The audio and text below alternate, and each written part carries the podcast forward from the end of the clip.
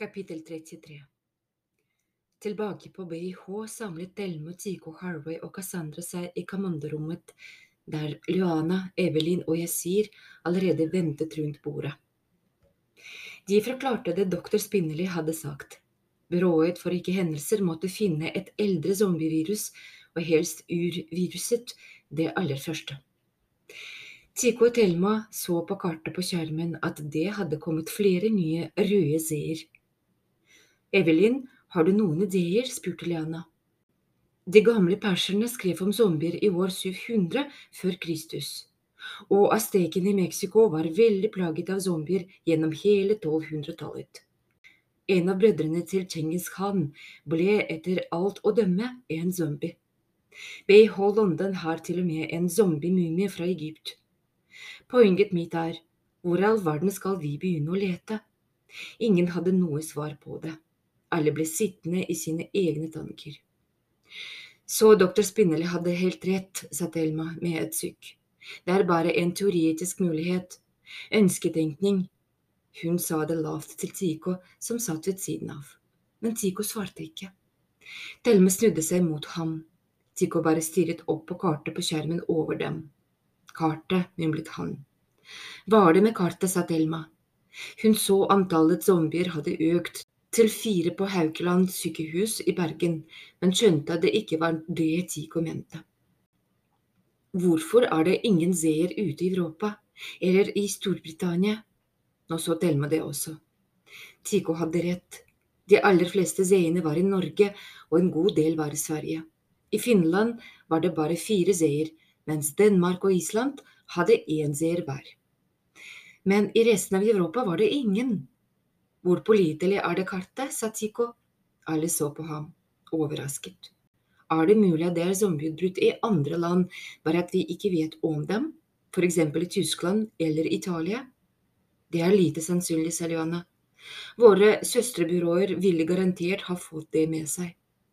Vi har øyne nesten overalt. Jeg ser utdypet. Agenter og alarmer, sensorer, kameraer, mikrofoner, egne satellitter og så videre og alt er koblet til samme nettverk. Hvordan det?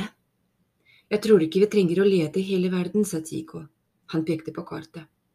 Hvorfor er zombieutbruddet bare i Norden? Betyr ikke at zombieviruset vi leter etter, er fra Norden? Selvfølgelig, utbrøt Evelyn. At vi ikke tenkte på det tidligere. Unge hjerner tenker bedre enn gamle, sa Liana. Ingenting er bedre enn når en oppgave går fra å være umulig til bare nesten umulig, mumlet Yasir. Jeg sier dette er faktisk det første og eneste positive som har skjedd i denne saken. Dette er faktisk fremgang, sa Evelyn, og rakte en tommel i været til Tico. Delme dultet Tico ertende med albuen, hun kunne se at han rødmet. Han var ikke vant til ros. Rekrutter, dere blir med meg. Evelyn løp ut av kommandorommet. Tico og Thelma fortet seg etter. De kom inn i auditoriet, men Evelyn fortsatte oppover trappene mellom seteradene og ut en dør på toppen. Da Tico og Thelma kom ut gjennom døra, mistet de nesten pusten av synet som møtte dem. De sto plutselig på en veranda og så ut over, eller rettere sagt ned i, et enormt sirkelformet bibliotek. Bokhyller snodde seg nedover langs veggene i en spiral som endte på gulvet 20 meter under dem. Synet var svimlende. Begge to måtte holde seg i rekkverket. Gulvet var dekorert med mosaikk og viste BIHs emblem, den hettkledde skikkelsen som var omkranset av et flettverk av slanger og symboler. Og selv om øynene var skjult, følte de at han stirret på dem, akkurat slik som da de så den første gang på skrivebordet til Johanna. Kommer dere? ropte Evelyn. Men hvor var hun? Ekkoet gjorde det umulig å høre hvor stemmen kom fra. Så blinket hun med en grønn lampe som en av leseplassene var utstyrt med. De løp etter henne. Tico, som elsket bøker nesten, men bare nesten, like mye som PC-en sin, følte et øyeblikk at han var i himmelen. Det må være flere hundre tusen bøker her, tenkte han.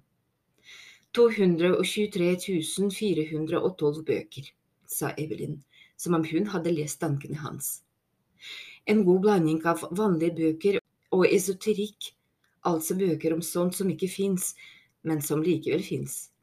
Dessverre er det litt komplisert å finne frem her, men jeg skal gi dere et eget kurs i akkurat det. Thelma, hold stigen for meg, er du snill, den er litt vinglete. Evelyn klatret opp stigen og strakte seg faretruende langt ut etter en bok. Thelma la hele kroppsvekten sin på stigen for at den ikke skulle skli. Men bøkene er på latin, sa Tico. Han leste på bokryggene der han sto. Ja, men det kommer dere til å lære. Latin, litt gresk og gammeltysk. Sanskrit og arabisk bør dere også ha kjennskap til, og selvfølgelig norrønt. Skal vi se, der har vi den. Evelyn trakk ut en bok innbundet i grønn skinn. Boken var så tung og diger at det var like før hun mistet balansen. Hun klatret ned fra stigen, blåste støv av boka og begynte å bla. Tycho la merke til at gullbokstavene på på bokryggen nesten var slitt bort. Papiret var tykt og stivt. Bokstavene var snirklete og nesten umulig å forstå. Ha, jeg husket riktig, sa Evelyn. De fortet seg tilbake til kommanderommet der de andre ventet.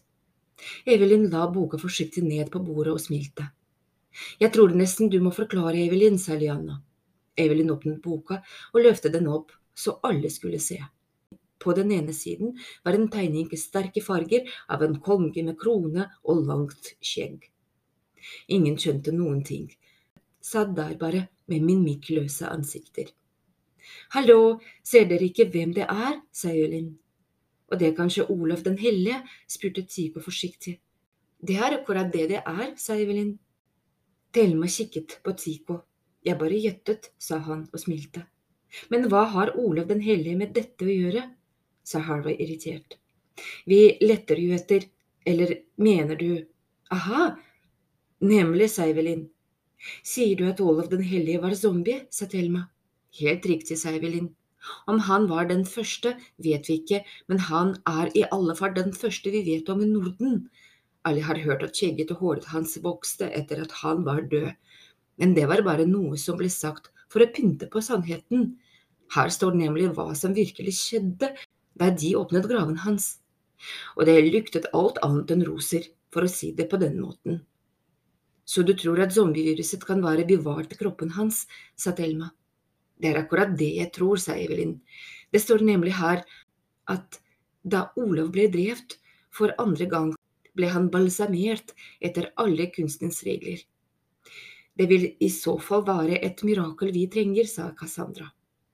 Luana reiste seg. Agenter, pakk tannbørster og undertøy, dere skal til Trondheim.